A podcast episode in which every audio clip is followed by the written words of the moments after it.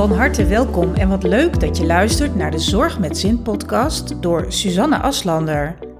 Met deze podcast wil ik zorgprofessionals in Nederland en België met veel plezier inspireren en motiveren als het gaat om energiek, vitaal, happy en stressvrij leven.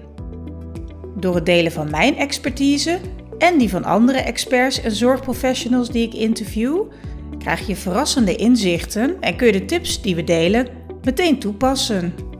Volg deze podcast en ga zo voor less stress en more happiness. Deze week heb ik een interessant interview met Roy Hazen. Roy is werkzaam als kinderverpleegkundige in het Wilhelmina Kinderziekenhuis in Utrecht. In dit interview gaan we verder in op zijn boeiende beroep en hebben we het erover hoe het is om als man in de zorg werkzaam te zijn. Verder hoor je in dit gesprek hoe Roy aankijkt tegen de uitdagingen die werken in de zorg met zich mee kan brengen. Ook deelt hij zijn visie op hoe je mentaal vitaal kunt blijven in deze sector en deelt hij allerlei praktische tips.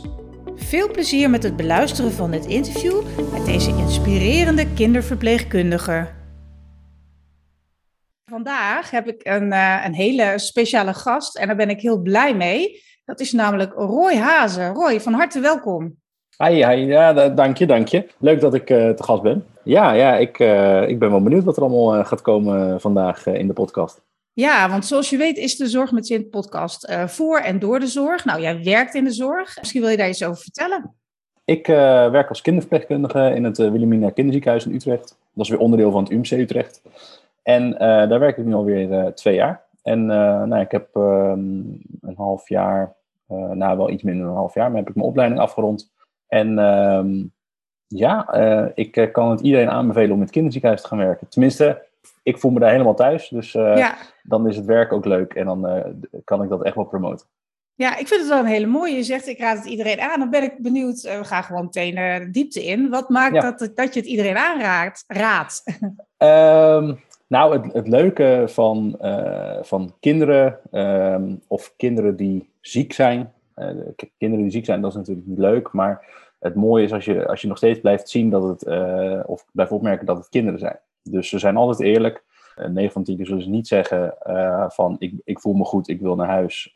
En ze zullen daar niet over liegen. Dus ehm, nou, als het gewoon niet goed gaat, dan zie je dat of dan hoor je dat. En ja, altijd wel heel eerlijk. Ook als ze je niet mogen of wel mogen, zijn ze er ook eerlijk in. Ja. Uh, het is gewoon puur contact. Uh, het is mooi om ja, de, de patiënt die je voor je hebt, dat is dan een kind, maar ja, kinderen zijn geen, geen kleine volwassenen. Dus het is gewoon weer een hele andere tak van zorg die je kan leveren. En daar moet je wel geschikt voor zijn, dat weet ik ook wel. Mm -hmm. Sommigen die, uh, die vinden het niet fijn uh, om te doen. Maar ja, ook, ook dat is natuurlijk weer wat, uh, wat je aantrekt in de zorg en wat voor zorg je wilt verlenen. Dus ja, als mensen nieuwsgierig zijn uh, kunnen, ze, kunnen ze me altijd laten weten. Ja, wat gaaf. En wat ik hieruit meeneem, of wat me vooral opvalt, is dus de puurheid hè, van, van de kinderen in ja. alles. Wat jou dan daarin uh, zoveel raakt, of wat, jou, wat je mooi vindt, waardoor je ja. ja. de passie voor je werk hebt. Ja, mooi. Ja, ja, ja, ja. En, het, en het feit dat je gewoon kinderen uh, voorop stelt en niet de ziekte. En dat wordt heel vaak nog wel eens gedaan. Dus als jij een ziek kindje voor je hebt, dan uh, zijn we heel gauw geneigd om te zeggen: Oké, okay, ja, daar gaat het eigenlijk niet zo goed mee. En dan vergeten we eigenlijk het hele kind erin mee te nemen. Terwijl de ontwikkeling van het kind in het ziekenhuis staat niet stil. Mm -hmm. um, ook niet als ze langdurig ziek zijn. En um, als ze wat willen, uh, bijvoorbeeld naar school toe gaan of wat dan ook, dan zou, zou zo'n ziekte niet in de weg moeten staan. Ja, um, en ik vind dat we daarin in het uh, Kinderziekenhuis wel heel goed mee, mee omgaan. Met een eigen WKZ-school en de pedagogische zorgverleners, maar ook de kinderverpleegkundigen, ook de artsen die daar eigenlijk allemaal een beetje op in willen spelen. Uh, waardoor je het kind voorop stelt en dat je daarna pas gaat kijken van oké, okay, wat kunnen we doen om je beter te maken. Ja, wauw, dat, daar had ik helemaal geen notie van en geen idee van. Wat interessant joh. hey, ja. uh, we hebben helemaal de voorstelronde overgeslagen, maar ik dank je wel voor dit hele mooie en uh, meteen pakkende intro. Want de mensen zitten nou helemaal, uh, ja, helemaal vastgezogen aan, aan de podcast. gelukkig, gelukkig. Vertel maar vooral, wie ben je en wat tekent jou als persoon? Nou ja, ik, uh, ik ben Roy. Uh, ik uh, ja, ben geboren in 1995. Dus als we mensen pas over een jaar de podcast gaan luisteren, of, dan kunnen ze zelf mijn leeftijd wel. Oh ja, dat is een hele. Ja. en ehm, ja, ik, ik woon in Zeist, dus dat is lekker dichtbij van het WKZ. Dus ik ga altijd lekker op de fiets naar mijn werk toe.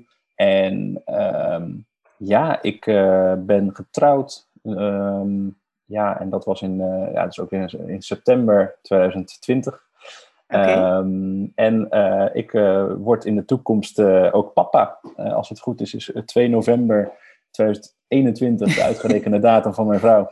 En ja, ja dan krijgen we een kleine, een kleine jongen. En, een jongen? ja, ja, ja. En de, baby, de, babykamer is al, oh, is al is al ingericht. Wat leuk, wat leuk. Nou, niet ook nog de naam verraden, hè? Nee, zeker niet, zeker niet. Ik, uh, nee, dat, dat zou wat zijn. knip ik hem eruit, dan knip ik hem eruit. maar wat leuk, joh. Gefeliciteerd. Ja. Dankjewel, dankjewel. Ja, dus dat is echt wel, uh, echt wel fijn. En we hebben ook nog een hondje, Beer. En die, uh, um, ja, de, dat is ook gewoon een leuk beestje om, om, om je heen te hebben. Dus nee hoor, het gaat allemaal hartstikke goed. En uh, ja, fijn dat het zowel qua werk als privéleven als relatie en dat soort dingen, dat het allemaal op de rit. Ja, heerlijk. Want dan komen we ook bij het thema, ja, zeg maar mijn hoofdthema, hè, bij vitaliteit. En je zei je gaat op de fiets naar het werk, supergoed. Ja. Want hoeveel kilometer is het? Ehm, Ongeveer. Goeie vraag. Ik, ik, Twee. Ik denk zo rond, rond de zeven, ja, ja, precies, 100 meter fietsen. Nee, nee, ik denk dat het zo rond de 7, 8 kilometer heen is. Oh, netjes. Oh, dat is wel een lekkere afstand. Kun je ook even afschakelen, uitschakelen als je klaar bent met werk? Even, even ja. ja ik prefereer het uh, wel uh, dan met de auto naar je werk uh, toe gaan. Ook dat heb ik een paar keer gedaan, omdat het ook sneeuwde en dat soort dingen. Maar ook um, omdat, het, omdat ik een afspraak bijvoorbeeld ervoor had en dan moest ik met de auto gelijk door. ik vind op de fiets naar mijn werk vind ik gewoon het fijnst. Uh, Gewoon lekker hoor, uh, muziek in en uh, verstand op nul. En uh, dan ga je, het is wel afhankelijk van het, het bepaald type muziek, daar let ik ook wel op om ehm, op te zetten om naar je werk toe te gaan. Dat is toch een manier van, van ontladen en motiveren om naar het werk toe te gaan. Ook ja, ga ik mooi. altijd met zin naar mijn werk. Maar, ehm, en ook als je je dienst erop zit en lekker met muziek naar huis toe, dat vind ik ook wel een fijne ontlading en even gedachten weer even vrijmaken. Ja, dat is het ook zeker. Ja, muziek kan zoveel betekenen. Hè? Dus ook, uh, ja. ook op dit gebied. En zeker in jouw uh, beroep, denk ik. Ja, ja. Um, ik, uh, ik wil je graag nog wat beter leren kennen. En ik heb een quote uitgezocht. En mijn vraag aan jou is van, wat maakt deze quote ja, direct bij jou los? Okay. En de quote luidt: Het geheim van je toekomst zit verstopt in je dagelijkse routines. En de okay. quote die is van Mike Murdoch. Oké. En je zei het geheim van je toekomst ja, zit, in, zit in je dagelijkse... In je dagelijkse routine, ja. Nou ja, het, het, het, het, is, het is natuurlijk wel zo dat als jij een bepaald toekomstbeeld hebt en uh, je wilt iets worden, maar je, je, je verandert je gedrag niet ernaar of je, je mentaliteit niet ernaar om dat te worden, dan gebeurt het ook niet bepaald voorbeeld is, ik was op een gegeven moment klaar met de HBOV, dus de verpleegkundeopleiding. En uh, ik dacht, ja, ik ga gewoon als verpleegkundige aan de slag. En, en uh, ja, dan zie ik het wel. En dan ga ik daarna pas een keer kijken naar, ja, uh, wil ik nog gaan specialiseren tot kinderverpleegkundige of niet? Of, of tot een andere soort verpleegkundige, want er zijn heel veel mogelijkheden in de zorg. Um, waarop mijn vrouw, vriendin toen de tijd, zei van, ja, waarom ga je het niet gewoon, uh, waarom ga je het niet gewoon doen? Ik, ik, ik zie aan alles aan je dat je het leuk vindt en dat je het graag wilt. En ja, het, het, hele, het hele ding is iets willen en dan ook nog daadwerkelijk iets doen, is, zijn twee hele verschillende dingen. En nou ja, ik wilde graag kinderverpleegkundige worden. Nou, dan is automatisch de waarom ga je het niet doen? Nou ja, en dan ga je je acties uh, uh, op papier zetten. Wat, ga je er, wat heb je ervoor over? Wat wil je ervoor doen? En dat is dan in carrièregebied zo. Uh, nou is het ook zo dat als jij in de toekomst iets wil en je dagelijkse routine is er niet naar, dus jij bent, ik noem maar wat, je bent vrij chaotisch of je, ehm, ja, je, je, je, kan iets goed plannen en dat soort dingen, ja, dan, dan zal het in je privéleven ook wel wat lastiger zijn om afspraken na te komen of te maken, met alle voor- of nadelen daarvan ja, ik denk uh, dat als je zo je dagelijkse routines een beetje goed weet in te plannen of goed weet aan te passen, dat daar ook je carrière naar is of wat je in de toekomst zou willen, dat dat wel een stuk makkelijker maakt. Ja, wat goed. En je geeft inderdaad ook aan, hè? je gaat dan ervoor zitten, of tenminste, daar ga ik vanuit. Hè? Je hebt dan opgeschreven, wat wil ik, uh, hoe ga ik het aanpakken? Dus echt een plan van aanpak. Ja. Um, heb je daarbij ook een einddatum voor jezelf genoteerd? Bijvoorbeeld van, nou, hè, over, uh, nou ja, over een maand wil ik gewoon weten waar ik de opleiding ga doen, uh, hoe, oh, hoe, ja. hoe, ik de tijd daarvoor ga inplannen en dat soort dingen. Um, nou, het grappige is, ik, um, ik, ga, ik ben niet zo van de keuzes maken. Ehm, en dat was tijdens mijn opleiding ook helemaal niet. Dat was ook op de HAVO niet zo. Waarop ik eigenlijk, ehm, gelukkig zijn er decanen die je daarbij helpen, of mentoren. Of, ehm, en die zeiden van ja, we gaan dan gewoon een, een lijstje maken met voor's en tegens. En, en, we, en we gaan het zien. En ik wil, dat de, ik wil dat we dat gaan doen. Dit is een voorbeeld. En volgende week kom je weer bij me terug. En dan gaan we kijken wat je hebt opgeschreven. Ja. Nou, zo gezegd, zo gedaan. En ja, dat helpt wel. Ik moet wel zeggen, Ehm, het is gewoon heel goed om daarover ook gewoon te praten met anderen, omdat die ook wel weer inzichten hebben waar je of nog niet aan had gedacht, of ehm, ja, dat ze, dat, ze, uh, dat ze wat bij je losmaken. Dat je denkt, oh ja, dat vind ik inderdaad, dat, ik dacht dat het altijd een nadeel was, maar dat is, in de, dat is inderdaad een voordeel. Ja. Um, maar goed, dus dat was op de HAVO en op de HBOV. Ja, er zijn zoveel mogelijkheden in de zorg. Dan is het heel goed om even na te denken, wat wil je precies? Maar ook om te kijken, uh, wat wordt me precies aangeboden? En als je een kans krijgt om iets te gaan doen waarvan je dacht, dit wordt hem, en uiteindelijk wordt het hem niet, dan moet je mhm. dat niet gelijk als een nadeel zien, maar eigenlijk als een voordeel door te zeggen van ja, gelukkig dat ik nu weet dat het voor mij niet is weggelegd. Juist, ja. Uh, anders uh, maak, ik, uh, maak ik dadelijk een slechte carrièrekeus. Ja, precies. Ehm, en dat, dat is zeker zo. Mensen zien dat dan al snel als falen. Van, goh, jeetje, ik wist gewoon niet, ik wist nog niet wat, het, nou, wat ik nou wilde. Ja. Terwijl dat natuurlijk helemaal niet zo is. Want ik denk dat het sowieso ontzettend lastig is, hè? Op, op een leeftijd van een jaar of 18, om, of iets eerder ook, om te beslissen wat je nou eigenlijk wil worden. Hè, wil gaan doen, want ik weet er alles van. En heel veel mensen gaan op een gegeven moment eh, natuurlijk dan een soort uh, ja, tweede leven in qua werk. Uh, hè, qua werk en je passie volgen. Meestal, en ik spreek ook voor mezelf, maar dat hoor ik heel veel omheen. En rond je, ja, midden, ja, rond je veertigste ongeveer, dat mensen dan denken: hey, is dit nou wel of, of, ja, nog beter gezegd, het liedje van Doe maar, is dit alles? dat je denkt, goh, maar ik ben al wel aan het werk en ik verdien mijn geld, maar is dit nou iets waarvoor ik echt ja, vol uh, levensenergie s ochtends mijn bed voor uitspringen? ja. bij heel veel mensen is dat niet het geval, helaas. En dan is mijn advies ook van, ja, ga echt een keer goed nadenken van, en waar ligt je passie? Wat, wat doe je het allerliefst? En het is ook grappig dat mensen dat vaak niet weten, hè? Wat, wat ze nou het allerliefste zouden doen. Ik had toevallig gisteren nog een gesprek met een dame daarover en ja, dan, wat ik dan meestal vraag is van, goh, wat deed je toen je jong was heel graag? Hè? Uh, sommige bouwde hutten, heb ik het echt over in je kind, uh, kindertijd. Uh, ja. Anderen tekenden heel veel of graag, of waren met, met allerlei ingewikkelde puzzels bezig. Nou, daar kun je al hè, je wat voorkeuren uithalen. Of mensen die heel graag buiten zijn, of heel veel buiten speelden. Nou, misschien vinden die het leuk om juist iets buiten te gaan doen. Hè? Dat ze in de buitenlucht kunnen werken. En op die manier kun je tot hele mooie inzichten komen. Dus, uh, zeker, ja. zeker. Maar jij, jij hoeft ze niet om te scholen, denk ik. Uh, over nee, nee, nee. Ik zit, ik, zit, ik zit heel erg op mijn plek. Maar het is wel zo. Uh, ik weet wel hoe het is om voor je gevoel een soort carrière switch te maken. Omdat ik heb altijd gedacht, ik wil wat met scheikunde gaan doen. En dat was, ik, ik heb eerst VMBO gedaan, toen HAVO, toen de HBOV en toen de kinderopleiding, de kinderverpleegkundige opleiding.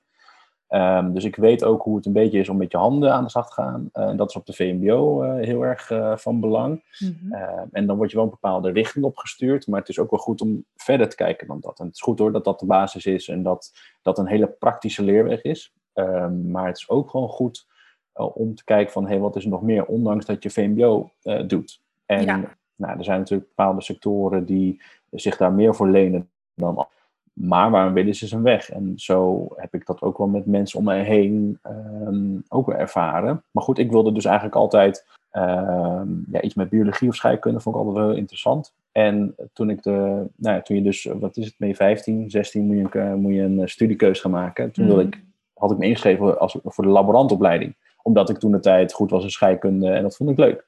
Ja. Maar ja, uh, dan maak je een keus en dan voor je gevoel zit je daar aan vast of zo nou, toen ging ik vrijwilligerswerk doen en toen dacht ik, oké, ik moet veel meer met, uh, veel meer met mensen gaan doen. Ik heb, ik heb nu bijna acht tot tien jaar me ingezet voor die organisatie. Ik ben drie keer in uh, Zuid-Amerika geweest. om daar ehm, nou ja, toch de mensen te helpen bij de stichting in de sloppenwijken. Ehm, en dat was zo'n bijzondere ervaring dat ik dacht, oké, ik moet echt wat met mensen gaan doen. En toen heb ik de keuze gemaakt om de haven te gaan doen.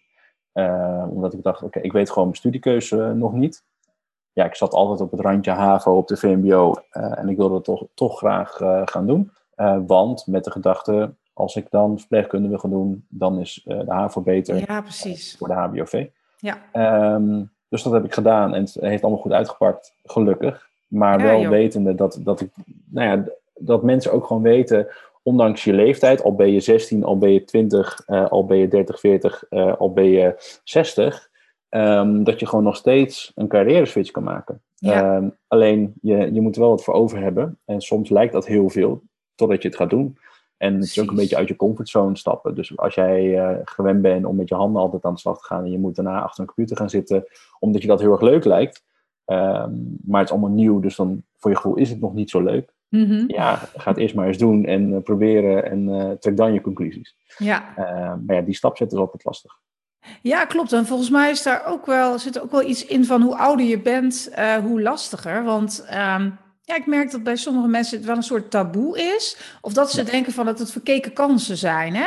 Ze zeggen, ja, Ja. maar ik ben al, ik ben al 38. Ja, dan denk Ja. ik, ja, bloedjong, maar goed. Hè? Of iemand, zelfs iemand van 63 van ja, nee, maar op mijn leeftijd kan ik toch niet meer eh, iets anders gaan doen. Dan zeg je, waarom niet? Ja. Precies. Je zegt het hartstikke goed. Ja. Dus mensen, bij deze, het kan altijd. Al ben je 100, denk ik. Het, het kan En je altijd, bent zeker. nog mentaal eh, eh, goed, eh, goed Ja. bij. Ja, alleen het is natuurlijk wel zo dat als jij wat, op, wat op leeftijd bent ehm, en je stelt je voor dat je weer opnieuw moet gaan studeren, dan is het voor je gevoel ook wel eens lastig om te beseffen van ja, dan, dan zit je dus nog twee, drie jaar tussen de Ja. twintigers, zeg maar. En dat is ook lastig. En, ja, ik denk eh, dat dat ook de hoofdreden is. En dat wordt dan Ja. niet expliciet benoemd. Maar nu je dat benoemt, denk ik, ja, daar kan ik me ook heel goed iets bij voorstellen. Ja, Ja, en het grappige is, bij ons op de HBOV ehm, hebben we ook eh, mensen van in de 30, 40 gehad die dan bij mij in de klas zaten, omdat ze verpleegkundige wilden worden. Nou ja, alleen maar welkom en alleen maar leuk. Ehm, ja, het is, ook echt wel weer fijn en verfrissend ook om ehm, van allerlei leeftijdscategorieën mensen in je klas te hebben waar je weer van kan leren. Want de een wordt Ja. spastisch van het feit dat iemand eh, vrij, vrij hiërarchisch eh, doet. En diegene van eh, 30, 40, die, eh, die draait de handen niet voor om. En die denkt, ja, moeten, Ja. Ze, moeten ze één keer doen en dan horen ze het wel. Dus het is, het, het, het is ook de ervaring die je meeneemt die heel wat waard is. En ik denk dat als je je daarop focust, dat dan geen enkele eh, keuze goed of fout is. nee, precies. En dat iedereen gewoon lekker kan, eh, ja, zijn hart kan volgen. Hè? De passie Ja. kan volgen wat, eh, wat werk betreft. Mooi gezegd. Zeker. Hey, we, gaan het, we gaan het over de zorg hebben en over vitaliteit en de combinatie van beide. Ehm, ja. wat betekent vitaliteit voor jou? Want wat ik merk is dat mensen daar niet echt een concrete voorstelling voor hebben. Kijk, het is mijn vakgebied. Ik kan er wel twintig definities voor geven. Ehm, Ja. Maar als ik het aan iemand vraag, dan zeggen ze eh, wat? En ja, dat is toch te, Ja. te breed. Hoe zie jij dat? als ik het zo zie, en dan ben ik ook een beetje gevormd door de zorgsector, maar ook eh, nou, probeer ik het, hoe ik het in het algemeen een beetje zie, is eigenlijk hoe, hoe is jouw balans tussen werk en privé? En zijn er obstakels of beïnvloedende factoren die daarbij bijdragen of eh, in je nadeel werken? En wat doe je daar dan aan? Dus hoe ga je, hoe ga je om met tegenslag? En hoe is jouw support om je heen om, dat, om die weerbaarheid ook te hebben? Dus heb jij, heb jij een goed sociaal netwerk, dan, dan kan je wat makkelijker eh, over het algemeen eh, omgaan met tegenslag. En is jouw sociale support wat minder, ja, dan, dan is er niet veel voor nodig om, om in een neerwaartse spiraal te komen.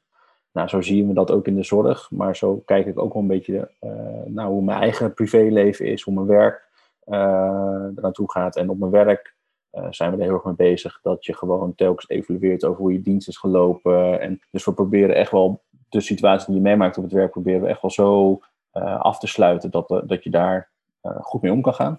En het grappige is, op je werk doe je dat wel. En sommige mensen doen dat in hun privéleven wat minder. Dus Ja. zeker bij verpleegkundigen staat wel een beetje in het vaandel zorgen voor een ander. Um, maar ja, wie zorgt er dan nog voor de zorgverlener? En, Ja, en- precies. Ja, dan benoem je wel een hele interessante. Daar Ja. gaan we zo nog wel even dieper op in, inderdaad. Ja. Ehm, ja, vitaliteit en, en, eh, en de zorg. Nou ja, daar, als je kijkt naar bijvoorbeeld naar, de, naar het ziekteverzuim in de zorg, dat was voor corona al ja, een van de hoogst uh, scorende, tussen aanhalingstekens, sectoren, helaas. Het is nu alleen maar erger geworden. Als je kijkt naar jou of jullie uh, ja, expo of uh, de discipline in de zorg, ja. kun jij iets benoemen dat, ja, dat op dit moment echt een probleem vormt? Als het gaat dus om de vitaliteit van de, van de zorgmedewerkers. En hoe, hoe bedoel je dat precies? Dat we. Um ja, uh, is het het mentale stuk? Hè? Zitten mensen daar, uh, kroppen ze dat heel erg op? Of, of mm. melden mensen zich vrij snel ziek? Of gaan ze juist door tot ze omvallen? Weet je, heb je daar... Ik denk dat er een hoop mensen op het tandvlees lopen. En dat je, dat je gewoon heel veel vraagt in een, in een periode waarin, waarin, het, waarin je eigenlijk de zorg eigenlijk overbelast is. Want er zijn gewoon heel veel personeelstekorten. En er werd gebudgeteerd op de zorgsector. Uh, dat was allemaal vanuit de politiek en vanuit de maatschappij geregeld dat we daarop gingen bezuinigen. Je merkt het ook al in de geestelijke gezondheidszorg. En dat is gewoon vragen om problemen. Het is, uh, het is een beetje korte termijn gedachte dat als je daarop uh, gaat bezuinigen, bezuinigen, dat dat de oplossing is voor de toekomst. Mm. er zijn gewoon bepaalde fundamentele dingen waar je eigenlijk zo min mogelijk op moet bezuinigen. En dat zijn vaak toch wel maatschappelijke dingen. En ja, ja, ehm, ja ja, dat, uh, dat is soms lastig te begrijpen. Want uh, het, het, ja, uh, als je daar niet in werkt, dan snap je de impact uh, niet. En dan soms dan zie ik wel eens een staatsbezoek van een of andere minister of wat dan ook, die dan even komt kijken en mee gaat helpen in de zorg. Oh, ja. En dan ja, denk ja, ik, ja, dat is leuk voor één dag in de week of één dag in de maand. maar daarna ga je weer terug naar je sociaal stabiele leventje. En daar zit ook wel een werkdruk achter, werkdruk achter. Dus ik wilde helemaal niet uh, kwaad over spreken. Maar het, um, wij, uh, wij als verpleegkundigen, als verzorgenden of in ieder geval zorgverleners, ongeacht welke functie je hebt, krijgen toch wel heftige casussen te maken. Mm. Als je dan ook nog gaat budgetteren op personeel of op salaris of wat dan ook, of op hulpmiddelen die ons weer helpen, waardoor we minder fysieke klachten krijgen, dus minder last van onze rug of dat soort dingen. Ook heel belangrijk. Heel belangrijk. Dus dat, dus dat draagt allemaal bij aan een soort werkdruk waar je, waar je een soort van onder, aan onderdoor gaat. Ja. En daarom is het heel goed om te kijken van, hey, hoe, uh, hoe ga je daarmee om met stress en met, ook met je werktijden? En is het allemaal haalbaar op de manier waarop we dat nu nog doen? Onregelmatigheid, uh, we vragen steeds meer voor hetzelfde salaris. Dus Um, een taak die normaal gesproken voor een andere zorgverlener was weggelegd, maar die is wegbezuinigd, die komt dan op het bordje van ja, een ander terecht. Ja, ja dat, is, uh, dat zijn wel dingen om over na te denken, waar je niet te licht over moet denken. En, um, mm, zeker. Ja, en als dat uh, in een jaar vijf van dat soort beslissingen worden genomen, en dat zullen er ongetwijfeld wel meer zijn, hm. ja, dan, dan, dan is het wachten op de druppel die de emmer doet overlopen, denk ik. Uh, zeker, ja. Ja, je benoemt nu een heleboel uh, aspecten die ik ook hoor langskomen in mijn uh, dagelijkse praktijk. Hè. Uh, natuurlijk het stuk stress, maar het, het stuk planning ja. is ook een hele belangrijke, die ik misschien niet direct bij jou hoorde, maar die je ongetwijfeld tussen de regels door benoemd en bedoeld, is een grens aangeven. Ja. dat dat een hele lastige is en dat het ook iets is waar mensen niet zo snel en niet zo graag over praten. Ja. Um, het voelt ook als een soort falen, als een soort van nee, ik kan het niet of ik kan het niet alleen. En dat is iets wat mensen natuurlijk zeker niet uh, willen uitstralen. Dus dat wordt dan ook een beetje onder de, hoe zeg je dat, onder de mat uh, gemoffeld, zeg maar. Um, ja. ja, dat hoor ik ja, ook Ja, jij kent het vast. Heb, heb, jij, heb jij misschien een concrete tip voor luisteraars die denken: hé, hey, ja, ik wil mijn grenzen wel meer aangeven, maar hoe dan? Um, ik denk dat de, de tip is, is um, dat de problemen die jij ervaart op je werk of wat dan ook, niet specifiek voor jou alleen het probleem zijn. Ik denk dat de anderen ook die problemen uh, ervaren of ondervinden, maar die gaan daar anders mee om. En ik denk dat als je gewoon benoemt van hé, hey, dit, is, dit, dit valt mij op of hier zit ik mee, ja, doe dat ook gewoon. Het laatste wat iemand zou zeggen is, nou, wat, wat gek dat jij dat vindt. Of uh, wat, wat stom dat jij dat vindt. En wat stom dat jij dat aangeeft. Want ik denk, uh, laten we wel wezen, in de zorg werken gewoon hele empathische mensen. Dat het laatste is wat ze zullen zeggen, dat dat dat is. Ik denk dat, ze eerder zullen zeggen, nou, goh, uh, hoe dan? En vertel me meer en we luisteren wel. Alleen je en moet hoe wel, lang al? Precies. Ja. Alleen je moet wel je momenten uitzoeken. Dus doe dat niet in het ja. heet van de strijd, waarin jij, um, ik noem wat, in de oudere sector of wat dan ook, wanneer je heel veel cliënten hebt uh, die op zorg zitten te wachten. En bij de, bij de achtercliënten denk jij, jee, wat een drukte. En je gaat het er dan over hebben. Ja, kijk, dan, Mm. dan, dan spelen emoties bij je oordeel. En dan ben je niet zo objectief meer. Dus dan, dan, dan is het meer een kwestie van, oh ja, en ook nog dit en dit en zus en zo. En dan gaat het eigenlijk je, je doel voorbij. Want, Juist. ehm, Ja. Maar het, zijn wel, het is heel goed om dingen op te schrijven die je opvallen. En om te peilen of dat het bij je team of bij je collega's ook zo is. En als dat zo Ja. is, maak het kenbaar aan je teamleider. Want een teamleider wil ook gewoon dat het team eh, goed functioneert. Maar Ja. hij of zij is soms ook zoekende van, hey, wat werkt nou voor mijn team? En als die dat geluid niet hoort van het personeel en zelf moet gaan invullen wat het dan is, eh, terwijl die zelf, hij of zij, niet op de werkvloer eh, staat of heeft gestaan. ja, exact is dat. dat heel lastig. Ja, Ehm, Ja, absoluut. Dus wees een Daar soort gaat heel veel mis. Ja, ja, precies. ja dat is, en dat is hartstikke zonde, weet je. Die dialoog, gewoon het gesprek, precies wat jij zegt. Ja. Ja, eh, mensen in de zorg, eh, die gaan je... ja, het lijkt me heel sterk dat, dat je wordt afgevallen, dat mensen je gaan afvallen, dat, dat, dat je hele vervelende reacties krijgt. Ja. Ehm, en misschien wel als je het op het verkeerde moment doet. Wat ik ook heel goed, een goede tip vond van jou, is om het niet in de heat of the moment aan te geven. Dus als het je tot hier zit en dat je het er dan uitspuit eh, in bewoordingen waar je misschien later spijt van krijgt, maar dat je het even rustig laat bezinken, inderdaad opschrijft en dan eh, eh, het later ter sprake brengt. Eerst eens met de collega's. Ja. Ja. Ja. En als jij de enige bent die er last van hebt, heeft, dan kun je het het beste ook op dat moment meteen Ja. met, de, met de manager oppakken. Ja. Hartstikke goede tip. Ja, dat is echt belangrijk. Want als dat niet gebeurt, dan ga je voortdurend onbewust daardoor heel veel stress ervaren.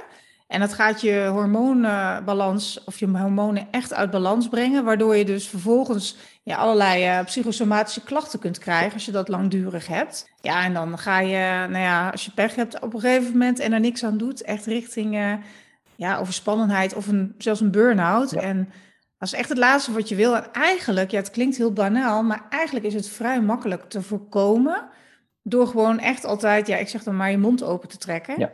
En eh, ja, misschien toch een soort van ook een beetje je hart op je tong te hebben. En niet eh, te bescheiden te zijn. Niet bang zijn dat mensen eh, ja, je gaan veroordelen of beoordelen op wat je te vertellen Ja. hebt. Ja, nou moet ik wel zeggen, er zijn heel veel hulpmiddelen, hulpmiddelen, maar er zijn heel veel dingen die je inderdaad daarbij kunnen helpen. En eh, één, inderdaad, had ik al genoemd, niet in het heet van de strijd, maar ook niet, ja, hoe zou ik het zeggen, emoties erbij laten komen. Het is voor mij, Ja, eh, ik kan dat wat makkelijker. Eh, niet per se omdat ik een- man in de zorg ben, maar over het algemeen ben ik er ook wat minder gevoelig voor. Dus als jij, als ik iets vind, dan zal ik het niet meteen zeggen, dan zal ik er rustig over nadenken. En dan zal ik even kijken van, hey, is dat iets wat nou alleen bij mij is? Of zouden anderen daar ook eh, wat van vinden? En ja, eh, en het is natuurlijk wel wat, wat, wat ik nu zeg van, ja, het beste is gewoon, gewoon om te zeggen, maar jij wilt nooit degene eh, zijn die weer zijn mond opentrekt, omdat jij dat toevallig durft. ja, ja. En er ja zijn- precies. Nee, dat ja, klopt. en Ja. da- daar, daar moet ik wel bij stilstaan, omdat dat als ik iets zou vinden, dan zou ik dat durven te zeggen.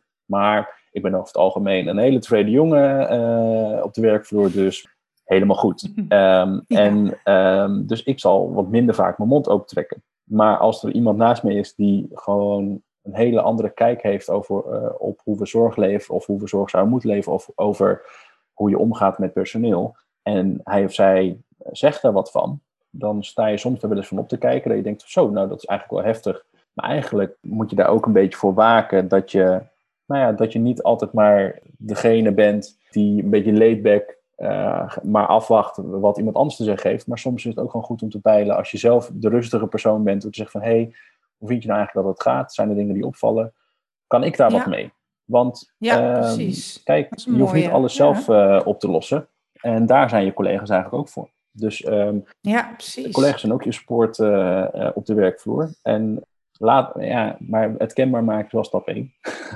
Ja. ja, en dat ook, eh, ja, dat eigenlijk lief en leed. Hè? Want vooral in de zorgsector is het ook nodig, denk ik, dat je lief en leed ook kunt delen en bespreekbaar kunt maken. Ja. Dat is eh, denk ik in de enige of een van de weinige sectoren eh, waar dat zo het geval is. En dan is het best opvallend dat het toch nog, denk ik, te, veel te weinig gebeurt. Ja.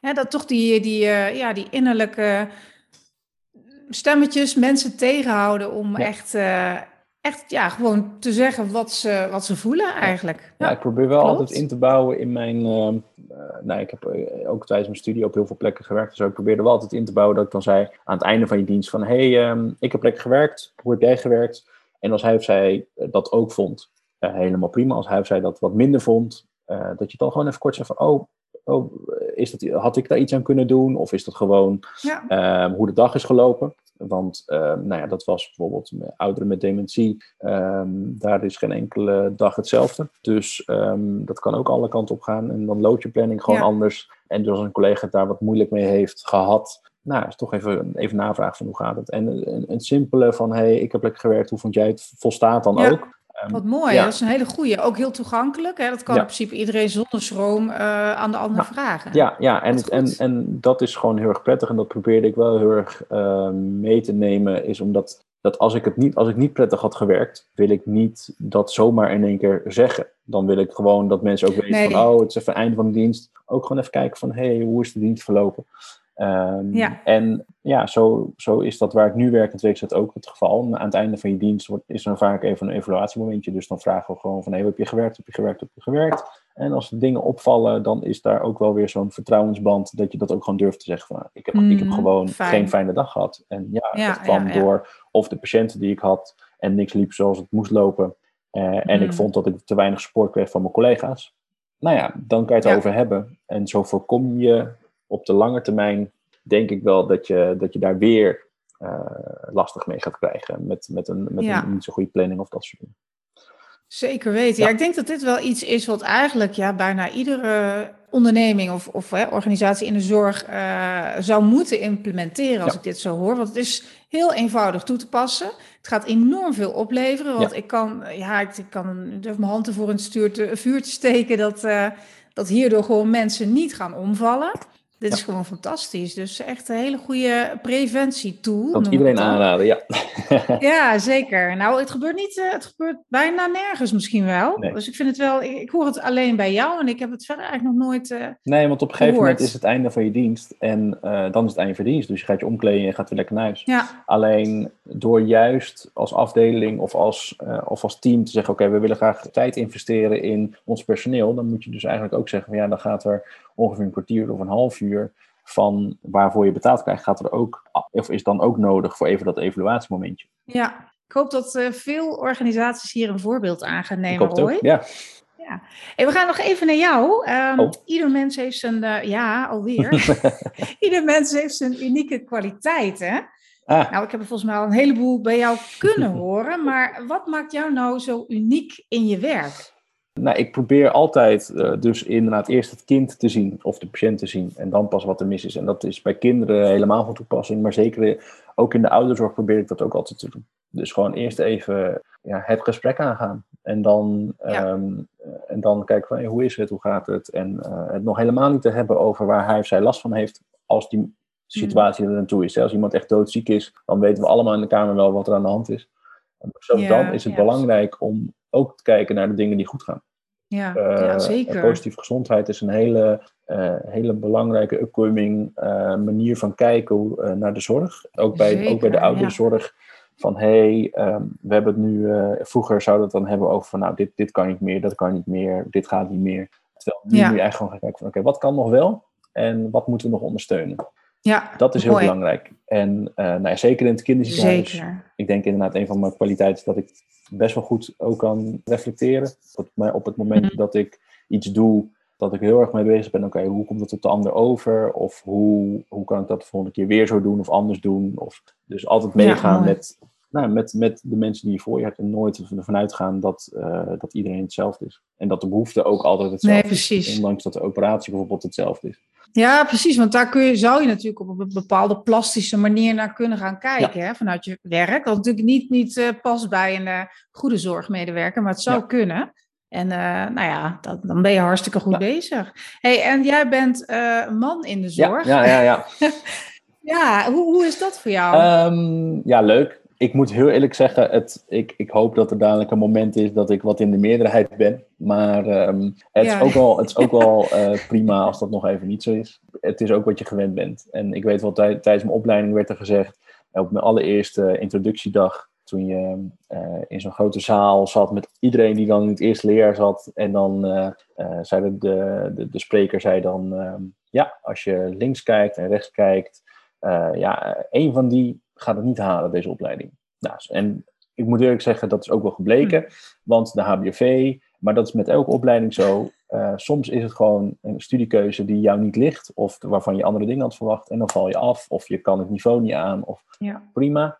Uh, maar ik dacht alleen al wel van oké, er zitten nu ongeveer 250, 300 mensen in de zaal, waarvan er maar 10 of 15 man is. en toen dacht ik bij mezelf, oké, als mijn buurvrouw of buurman het niet haalt, dan hebben we een probleem. Want dat betekent dus eigenlijk uh, dat, dat je van die 10, 15 mannen, uh, dat je er maar drie, drie overhoudt, bij wijze van. En, en ook dat is gebleken. ja, ehm, bizar. Dat, ja, maar dat is hetzelfde als dat je, las ik of hoorde ik een paar jaar geleden over de PABO, dat een hoop leraren, en dan hebben we het over meesters of vrouwen, en dat de meesters vaak afhaakten tijdens de opleiding, want die moesten dan eh, voor een stage heel veel met kinderen, en, en dat, dat lag hun gewoon niet. En uh, toen haakten ze af, want je moest wel je stage afmaken, en dat was dan een half jaar of een jaar, of ja, dat is dan gewoon je ding niet. Terwijl als jij gewoon een meester oh, wilde worden, maar je moet de pabo doen mm. en je zegt van ja, ik vind het leuk om voor, uh, voor alle pubers uh, een leuke docent te zijn. Maar ja, ik moet dan nog wel even de, de, de luiers verschonen haast uh, bij een stage. Ja, no way dat ik ja, dat volhouden. En ja. zo is dat in de HBV misschien soms ook zo. Dat, je, dat je sommige dingen als man zijn leuker vindt. en de meeste, meeste mannen in de zorg vinden technische dingen wat leuker. Terwijl ik, ik vind dat op zich ook wel leuk, maar dat, daar ligt niet mijn uh, voorkeur ik vind echt de, de, de basiszorg, maar ook de psychosociale zorg, vind ik gewoon heel belangrijk. En ja, ook, ook mhm. de, dat moet je dan uh, liggen. Alleen voor de, voor, voor de man in de zorg is, is het soms lastiger om, uh, om, je, om, je, om, je, om je juiste weg uh, te vinden. 9 van de 10 die zeggen ja, ik ga op de ambulance of op de IC. Nee, dan.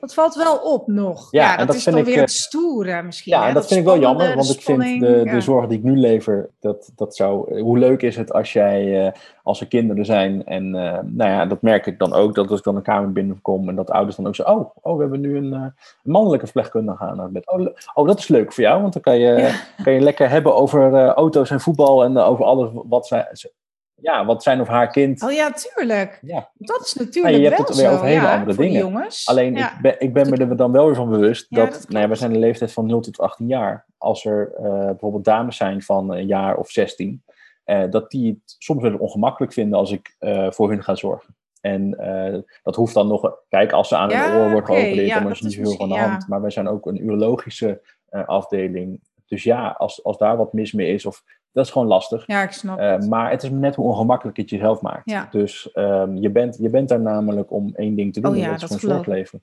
En ik hou wel van een gesprek en een grapje op zijn tijd. Dus, um, maar ja, ook daarin, um, als ik daarin merk van dat dat nu niet het moment is, dan doe ik het niet.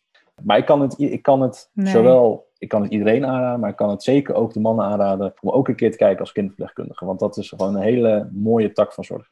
Ja, nou dat ben ik helemaal met jou eens uit wat ik allemaal van je hoor. En kan je nog een, een soort, ja, hoe zou ik het noemen? een verkooppraatje, heel kort voor de mannen, de jongens, die nog niet weten wat ze willen, hier wel eens over nagedacht hebben, maar uh, ja, hoe, hoe, wil je ze over de drempel krijgen? Je, heb je daar nou, iets ik voor? ik, denk, ik denk dat als ik, als ik de oplossing uh, zou zijn, dat, uh, dat ik dan een hele, hele andere functie zou hebben dan nu. Maar uh, nee, ik denk dat als ik zou willen dat er, dat er meer mannen in de zorg zou, zouden moeten komen werken.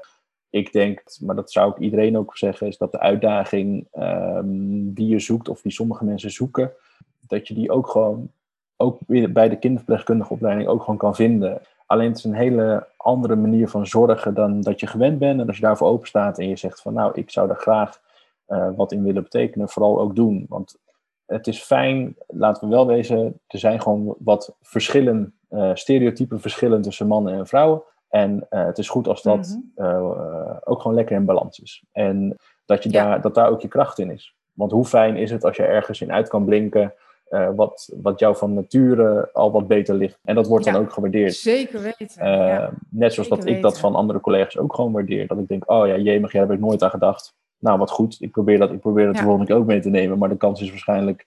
Uh, de kans is er dat ik het waarschijnlijk de volgende keer misschien ook niet zal doen. Ehm, maar dat betekent niet dat ik het niet belangrijk vind. En zo zou dat andersom ook moeten zijn. Zo heb ik een, uh, een, uh, een, andere mannelijke collega mij op de afdeling, liep dan stage. En dan kon ik het gewoon prima mee vinden. Konden we goed mee grappen en grollen. En dat houdt het ook gewoon mm -hmm. lekker luchtig voor jezelf, maar ook voor de rest van het team. En ja, ehm, zeker. Ja, en het, en is ook gewoon grappig dat je, dat je dan uh, ook gewoon dingen kan delen. Die zegt van, nou, ik had nou laatst uh, dit of dit of dit. En zo, ja, ik weet precies wat je bedoelt. En dat is als man zijn in de zorg. Ja, precies. Echt uh, heel, ja, nou, dat soort dingen.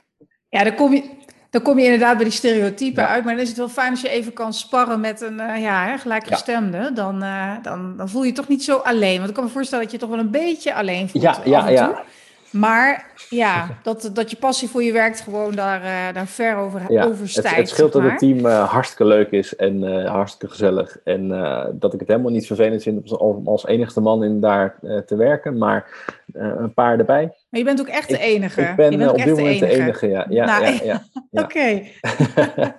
Okay. ben je nog op zoek naar een mannelijke zeker, collega? Zeker, zeker, zeker. En okay, dus als iemand denkt, hey, ik wil wat meer weten, uh, vertel, ja. uh, hè, kan ik een keer een kort gesprekje met jou? Dan ja, we splitten de aanmeldingsbonus. Oké. Okay. oh, ja. die is er ook nog. Ja, die zullen jullie ook wel hebben. Och, jemig. Ja, nou goed, ja, bij deze. um, dan gaan we over naar de, ja, de vraag van de week. Ik heb een mooie vraag voor jou je hebt vast veel te maken met, helaas, hè, met verdriet ja. en leed in je werk. Ik kan me best wat bij voorstellen. Bij, bij negativiteit, bij somberheid, uh, uh, neerslachtigheid, uh, onmacht. Allemaal dat soort dingen. Ehm, hoe zorg jij ervoor dat je dat niet mee naar huis neemt? Ik denk dat een hele, hele goede manier van dat soort dingen afsluiten is dat als jij iets lastig vindt bij een patiënt of bij ouders van een patiënt. Of dat je ook uh, daarvoor ruimte hebt om dat in je werk ook met de patiënt of die ouders het erover te hebben. Soms vind je iets wel heel erg zielig en dan neem je dat mee naar huis en dan denk je, ja, dat, uh, dat is inderdaad heel erg zielig. Maar als jij bijvoorbeeld in gesprek was geweest met ouders of het kind uh, en je hoeft, dan kan je echt wel professioneel blijven en je hoeft het helemaal niet op jezelf te betrekken. Maar je kan, het, kan ook gewoon heel vrijblijvend vragen van hoe gaat het met jullie en uh, hebben jullie behoefte aan een gesprek? Want dat kan met de kinderverpleegkundige, dat kan met, met maatschappelijk werk, dat kan met pedagogisch zorg, dat kan met mm. alles en iedereen in het ziekenhuis. Dan komen er al hele mooie gesprekken uit. En iets wat je, waarvan je dacht, oh dat is heel erg zielig, daar, uh, zo zien ouders dat niet. En die halen er kracht uit. En, die, ja, en dat is een hele andere manier van denken. En ik moet eerlijk zeggen, dat ja. heb ik wel vaak gedaan. Of dat, nou ja, hebben we het een beetje over dat reflecterend vermogen. Ik kan me heel goed inleven in een ander, maar ook ook over van oké, okay, dat zijn bepaalde dingen die, waar, wat ik dacht, maar wat ik nu niet meer zo dacht, waardoor ik het al minder gauw naar huis te neem.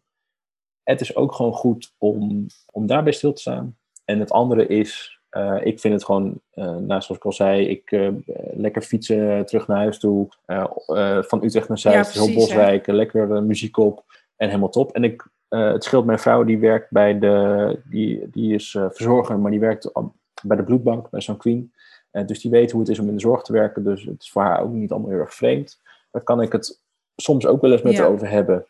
Maar ja, heel vaak, ja, heel vaak is, is het gelukkig prettig, nog niet nodig. Want ik vind dat ik dat wel heel erg uh, nee, lekker nee. in balans weet te houden. Maar dat ik dat ook gewoon goed kan relativeren. Juist door um, soms wel eens zonder, gewoon heel objectief, heel objectief te kijken, zonder emotie. Wat wij mannen gewoon heel goed kunnen. Uh, ja, jullie kunnen het veel beter. door sommige dingen, ja, ja maar om sommige dingen ook gewoon niet zo zielig ja. te vinden. Maar dat, dan heb je het ja, ook weer okay, over kijken naar het kind en niet naar de ziekte. Kijk, als een, als een kind op een gegeven moment in bed ligt en, het, uh, en hij heeft, uh, ik noem wat, hij heeft een trauma meegemaakt, maar hij is er helemaal, ja, hij is er goed uitgekomen bijvoorbeeld, of, of niet. Of ik had laatst een gesprek met, met een jongen mm. van 16, 17, die moest gaan revalideren. Die was uh, ja, beide benen gebroken. Nou, uh, heel heftig allemaal. Maar met hem heb ik de leukste grapjes en grollen, omdat hij, hij wil niet zielig gevonden worden. Hij, hij is gewoon een, een ja, puberjongen ja, ja. die gewoon uh, nog steeds dezelfde puberjongen is. En waarom zou ik hem anders behandelen? Ja, ik, ik vind het. Mm -hmm. Ja, kijk, het is natuurlijk ook zo. van smaak, maar ik vind het dan heel leuk om een grapje te maken van. Nou, zit je beste beentje voort als hij nog met beide benen in het gips ligt. Ja, maar dat vond hij dan ook heel erg leuk. Ja.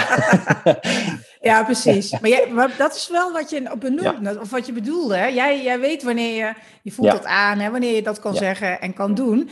En als je dat dan weet te doseren, dan wordt het natuurlijk ook enorm Zeker, zeker. Nou, het is, Ja, ik vind uh, een humor een hele belangrijke verpleegkundige interventie. Dat is echt. alleen zo, zo, zo, zo heb je daar wel je, je mensen voor die dat wat makkelijker of beter kunnen brengen als de ander. Kijk, het voor, ik, er is ook een boek, Humor als verpleegkundige interventie. Ik heb hem ik heb hem ook en hartstikke leuk, kan ook iedereen dat aanraden. Maar een belangrijk voorbeeld staat erin. Um, Je moet weten wie de, wie de grap brengt en ook wanneer je hem brengt. En timing is alles. Maar ook, uh, je moet ook wel een beetje qua, qua niveau en qua karakter een beetje op hetzelfde uitkomen. En dat heeft eigenlijk mee te maken iemand uit Amsterdam. Uh, en die gaat naar uh, een boerendorp ergens in Brabant bijvoorbeeld. Ja, die heeft wat minder misschien wel een klik met de mensen dan iemand uit Brabant die naar Amsterdam gaat. En dat maakt niet zo heel veel uit, maar uh, Brabant is alles heel erg gemoedelijk. En in de Randstad bijvoorbeeld is alles wat uh, statischer.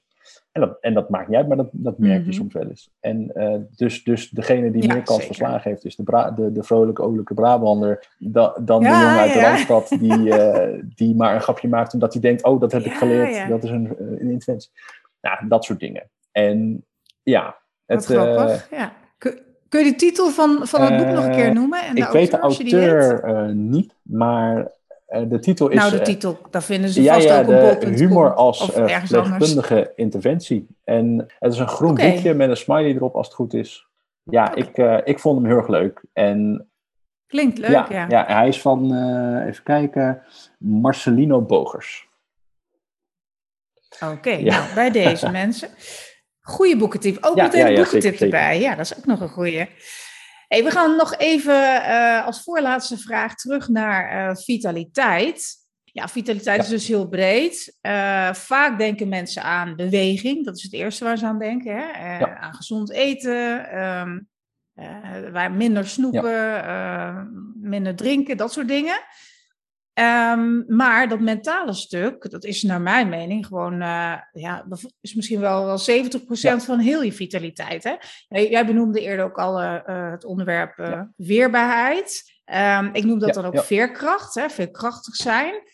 Um, heb jij misschien een praktische tip hè, die ja, zorgmedewerkers in Nederland en België, die op dit moment luisteren, gewoon heel eenvoudig kunnen toepassen en um, die ze ook echt wat gaat brengen. Um, Als het, en dan heb ik het vooral over dat mentale stuk. Ja. Hè? Je hebt al heel veel dingen ook genoemd. Hè? Uh, dat, dat, uh, dat fietsen, hè? eventjes naar je ja. werk wat anders doen om even ja, uit te waaien.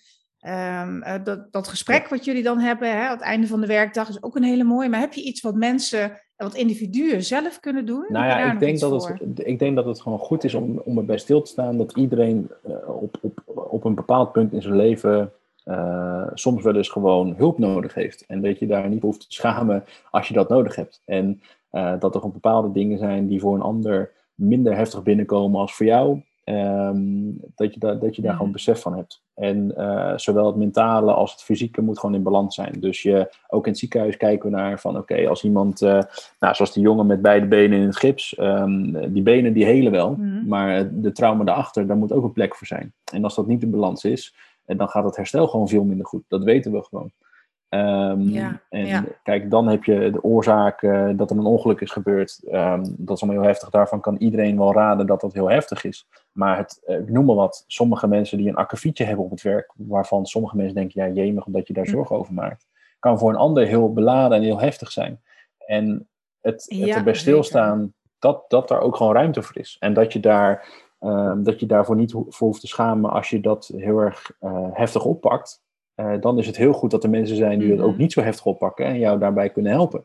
Um, ja. uh, maar gewoon het besef dat daar, nou, dat er, dat daar uh, ruimte voor, voor is, maar ook dat je daar zelf ook wel ruimte voor vrij mag maken. Dat het niet alleen maar leuk hoeft te ja. zijn en gezellig. En ik bedoel, ik werk een van de meest leuke plekken die ik kan bedenken en ik heb een van de leukste banen die ik kan hebben. En ik heb nog geen moment meegemaakt waarvan ik dacht, nou hier wil ik niet meer werken of dit is niet meer leuk. Maar ik weet wel dat als zo'n nee, moment zich voordoet, wat ongetwijfeld ooit een keer weer gaat gebeuren, dat je dan gewoon weet mm van ja, weet je, dat kan. En dan wil ik het er gewoon even met iemand over hebben en dan wil ik dat los kunnen laten. En, Juist. Um, om, uh, want iedereen kan het advies van een ander geven, maar zijn eigen advies opvolgen doen ze bijna nooit. En Nee. Nee, nee, en dat is, dat is een hele ja. goeie. Dat is een hele goeie. Ja, ja zeker. En wat, wat mooi dat je ook zegt van, hè, dat je er ook tijd en ruimte voor mag maken om daar ook zelf mee bezig te zijn. Misschien is het ook slim om inderdaad, ook al doe je het niet op je werk, ook al gebeurt het niet in een teamverband, maar voor jezelf te evalueren per dag. Hè? Wat ging er nou goed? Wat kan beter? En als je dan terugkijkt op een week, dat je bijvoorbeeld een bepaald thema drie keer terug ziet komen, dat je denkt, hé, hey, hier moet ik toch wel even met iemand over praten. Want uh, ja, door de alledaagse drukte is het best lastig om inderdaad uh, uh, ja, dat allemaal in het vizier te houden. Ja. En het zal ongetwijfeld een van de laatste dingen zijn waar je actief mee aan de slag gaat, van je hele to-do-lijst. Ja. En ik ben van mening dat hij eigenlijk helemaal bovenaan moet staan. Ja, is wel zo. Ja, en, en het, en, en, ja, ja, maar het, het, vervelende is soms ook wel eens zo dat je, uh, dat, dat, dat bedenk ik me nu ook, van um, als je zelf gewoon uh, vitaal uh, genoeg bent, dus uh, dat je goed veerbaarheid hebt, maar ook nou ja, dat je het allemaal lekker op orde hebt, dat je voor de ander dan even op dat moment wat meer kan betekenen. Dus ja, inderdaad, dat vraag, even, even de vraag van hoe is het en ja, hoe is het nou echt met je en niet, niet maar uh, van, uh, oh goed, oké, okay, dan gaan we het er nooit meer over hebben. Nee, precies. Nee, oké, okay, maar gaat het goed? Maar wat gaat er nou goed? Gewoon even de positieve dingen benoemen. Uh, ik denk dat je mm -hmm. dat als medemens voor elkaar gewoon vaker zou moeten doen. En complimenten geven is alleen maar ja, fijn. Zeker, zeker. Um, alleen we zijn niet heel, het Nederlands volk is niet heel erg gewend om complimenten te geven. Dus ik weet niet hoe het, hoe het met het Belgisch volk gesteld nee. is, maar... Nee, niet, niet, niet geven, maar zeker ook niet ontvangen. Nee, dat hè? vinden, dat we, dat vinden we maar lastig. Dat, Um, ja. en, en, en even de follow-up. Dus um, op het moment dat iemand iets heftig of iets heftigs meemaakt, uh, dan kan je, van, kan je van denken van, oh wat heftig. En nou, ik hoop maar dat alles goed gaat. En dan, dan hoor je een keer door de wandelgangen dat het echt goed is gegaan. Maar wees zelf ook gewoon even een keer degene uit een onverwachte hoek die gewoon ja, even vraagt van, hey, hoe is het ja, nou? En kijk, je, je hoeft, diegene, je hoeft die, diegene niet goed te kennen om te vragen hoe het is ja, soms is het wel eens heel goed als je diegene juist niet goed kent, dat je vraagt hoe het is. Ja, dat is weer makkelijker of zo. Ja, want dan, ja, want dan ja. komt er niet zo'n ongemakkelijk sfeertje bij kijken van, ja, maar uh, morgen uh, moet ik met jou weer in dienst werken. Ja, precies, jij, jij hoeft van mij precies. niet te horen dat het bij mij wat minder gaat, bijvoorbeeld. Nee, Terwijl, ja, waarom zou, dat, die, waarom zou je dat niet mogen weten? D dus dat eigenlijk. En ik probeer dat uh, voor mezelf wel heel erg te doen. Dat ik soms even een follow-upje stuur van, hey, hoe is het? Of even bel of wat dan ook. Alleen ik merk van mezelf, dat mag van mezelf veel vaker. En ja, okay. dat, dat, doe ik, ja. dat, dat, doe ik niet. Um, nou, mooi inzicht. Ja. Dan heb jij meteen ook een, een, opdracht voor morgen. Ja, ja, ja. Maar het, ja. En, en, en na het ja. vervelende is, als je zelf voor je gevoel gewoon lekker uh, in het leven staat en alles gaat goed en je hebt geen, geen al te gekke dingen, dan is het inderdaad gewoon goed om even stil te staan bij een ander. Zeker dan. Hey, um, we, gaan, we gaan langzaam afsluiten. Ik vond het echt uh, ontzettend leuk om jou uh, te gast te hebben en uh, jou te mogen interviewen. Dus dank je wel voor je Graag tijd. Dank je wel. En ik heb nog één laatste ja, vraag eigenlijk, oftewel mededeling voor de luisteraars. Want jij hebt zelf natuurlijk ook een hele toffe podcast. Kan je daar kort nog even wat over vertellen ter afsluiting? Um, ja, ik uh, ben de maker uh, van de Zorgkast. En uh, dat is inderdaad een podcast door en voor de zorg met zorg. En dat gaat over allerlei ervaringen die allerlei zorgverleners, maar ook zorgvragers hebben meegemaakt. En um, um, ja, het is eigenlijk ontstaan van mijn tijd toen ik student was. Dat ik eigenlijk miste wat ervaringsdeskundigen of gewoon wat ervaring om te horen dat je sommige dingen die maak je mee en dan denk je, nou, dat is toch gek dat ik dat mee heb gemaakt. Maar als je dan twee jaar later ja, ja. het erover hebt, dan zeg je, ja, dat had ik ook. Nou, heb ik me daar zo'n zorgen over gemaakt. Dus ja, precies, um, precies. dat is gewoon heel erg goed om, om bij stil te staan. Dat er ook gewoon heel veel andere mensen zijn uh, die ook in de zorg werken of zorg krijgen en die dat soms ook wel eens uh, lastig vinden of mooi vinden. Of da dus daarom ben ik dat gaan maken. En ja, ik, vond het, ik vind het ook hartstikke leuk om te doen.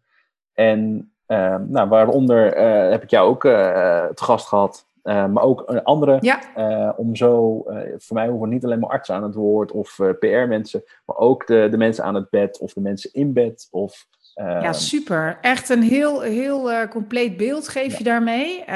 Um, en beeld is dan het foute woord natuurlijk bij een podcast, maar toch? Ja, ja, ja. Visuele impressie. Precies, precies. Van, uh, ja, nee, maar dat, dat vind ik juist zo leuk. Dat je ook, zeg maar, de mensen in bed, noem ja. ik het dan, of de mensen die de zorg afnemen, ja. hè, de zorgvragers, daarin uh, uh, meeneemt.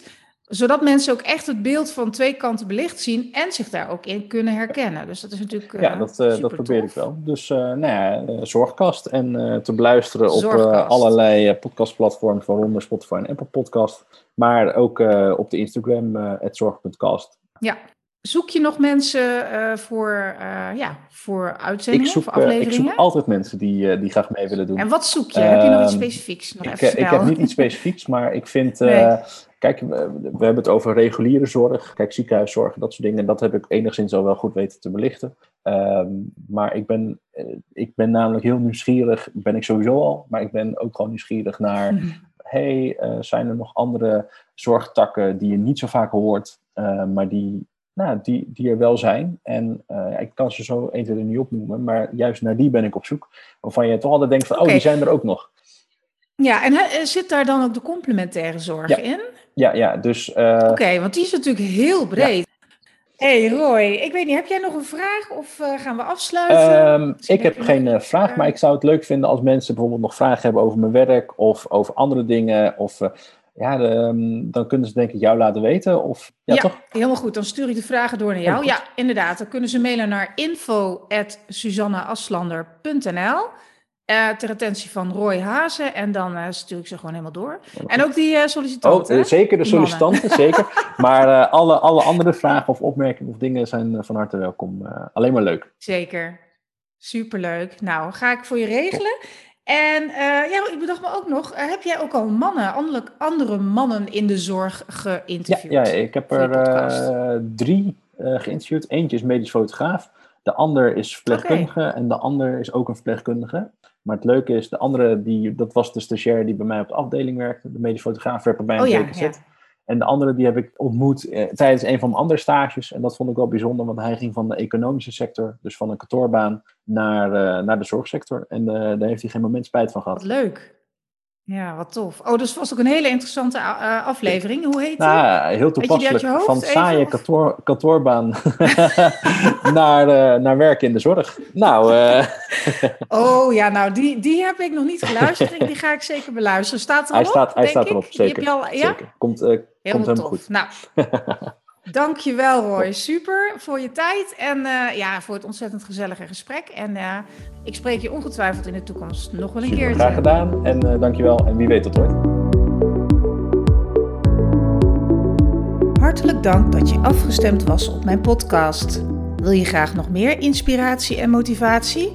Abonneer je dan via de knop volgen. Heb je vragen over deze podcast? Of heb je misschien een onderwerp dat je graag behandeld wilt hebben?